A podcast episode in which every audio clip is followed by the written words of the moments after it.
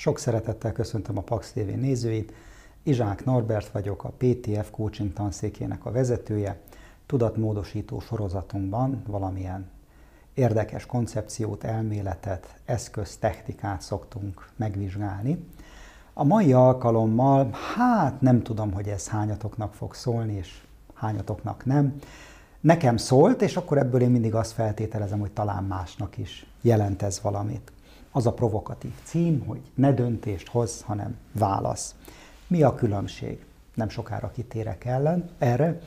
Addig azonban hadd mondjam el, hogy én meg szoktam tapasztalni azt a rossz érzést, és feltételezem, hogy mindenkivel volt már ilyen, hogy valamilyen döntés előtt érez egy szorongást, aki szerencsétlenebb, valami bénító félelmet is akár legyen, az pályaorientáció, hogy most kócsnak menjek, vagy ötvösnek, vagy nem tudom, erdő kerülőnek, vagy valami, valamilyen más érdekes szakmát válasszak, mérnök, orvos, vadakat terelő juhász.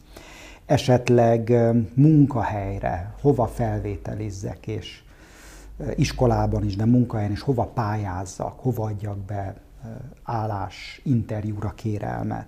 Vagy manapság egyre gyakoribb, hogy hol éljek, hol nyaraljak, melyik országot válasszam. Akár ilyen dolgok is paralizálhatnak bennünket, menjek-e vagy maradjak. És akkor ilyenkor hajlamosak vagyunk listákat készíteni, hogy mi szól mellette, mi szól ellene. Ami egy rém, unalmas és nagyon kognitív dolog. Ha már edukáltabbak vagyunk és sok tudatmódosítót néztünk, akkor lehet, hogy az is megfordul a fejünkben, hogy azt listázzuk, hogy mi vonz ebben, mitől félek, és akkor ezeket a mélyebb érzéseket is meg tudjuk nevezni. Vagy ha még edukáltabbak vagyunk, mert még több tudatmódosítót néztünk, akkor lehet, hogy elképzeljük az életünket, hogy húsz év múlva, ha visszatekintek, akkor mivel leszek inkább elégedettek. És ezek mind-mind nagyszerű eszközök, és nem fogom agyonvágni az eddigi tudatmódosító részeket most egy újabb koncepcióval, de kiegészítésként azért hadd fűzzek valamit hozzá. Amikor egy döntési helyzetben vagyunk, akkor szorongunk, és általában ez visz bennünket a pszichológushoz, vagy a kócshoz, vagy akár kicsodához, tanácsadóhoz, jó baráthoz.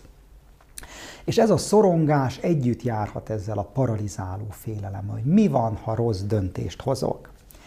És azt mondanám, hogy ne ezzel, ezzel foglalkozzál, hogy vajon miért vagyok döntésképtelen, nem tudom, hogy melyik utat válasszam, mert ez passzív. A választás viszont egy aktív dolog, valamit teszek, teszek egy lépést.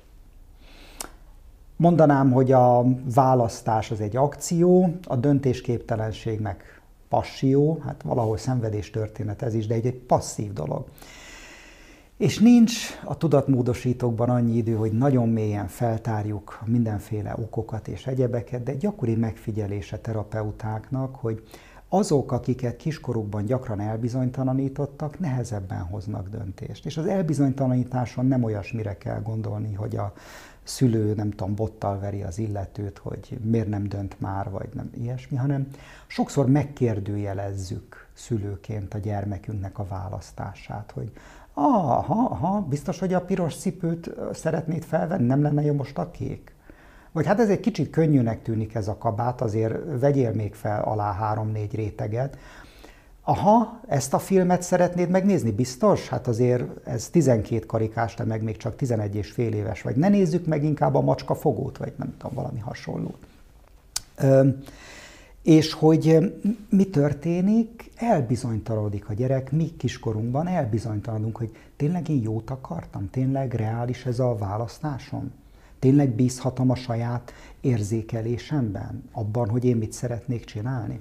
Ha sok ilyen ért bennünket, akkor felnőttként is lehetünk ilyen bizonytalankodók.